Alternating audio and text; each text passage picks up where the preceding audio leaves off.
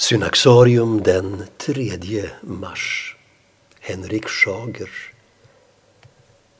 Lekmannapredikanten och sångdiktaren Henrik Schager spelade en ledande roll i den så kallade Flodbergskretsen i början av 1900-talet.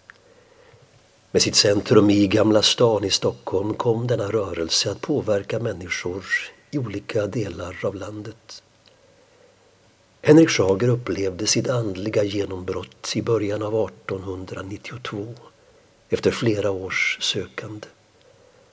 Han var 22 år och på gränsen till att ge upp efter en lång och tröstlös inre kamp.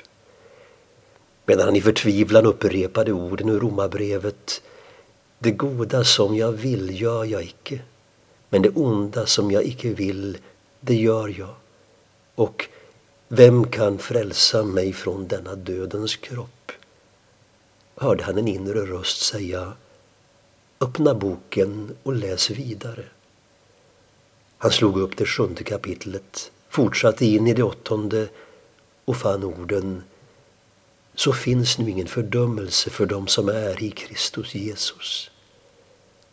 Medan han gjorde en paus för att sända orden inåt återkom det Läs vidare. Han läste Ty livets andes lag har i Kristus Jesus gjort mig fri från syndens och dödens lag. Så kom tron till Henrik Schager. Senare samma år lärde han känna Karl Flodberg. De blev nära vänner och via Flodberg kom Schager i kontakt med den kristna mystikens litteratur. Han hyrde en lägenhet i Vita bergen på Söder, den fattigaste delen av Stockholm. Hans andliga erfarenhet hade väckt en djup längtan efter att få göra något för de sämst ställda. Vid sidan om sitt arbete vid tullen ägnade han all sin tid och kraft åt det sociala arbetet. Det var för mig en mycket lycklig tid, skrev han senare. Henrik Schager bosatte sig senare i Norrköping med sin familj där han hade sin anställning i tullen samtidigt som han ägnade sin fritid åt den andliga verksamheten. Han var en begåvad och ovanlig predikant med stor förkärlek för allegoriseringar av Gamla testamentet.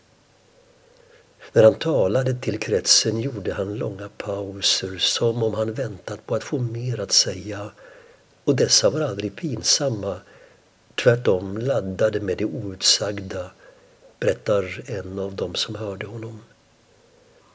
Schager var även sångdiktare och skrev ett stort antal sånger med Nu är försoningsdagen som en av de mest välkända. På 1920-talet lärde Schager känna skomakaren Hjalmar Ekström i Helsingborg. De brevväxlade flitigt och startade tillsammans en tidskrift för det inre livet som dock endast gavs ut under ett par år. Henrik Schager insomnade i Norrköping den 3 mars 1934 efter en tids sjukdom.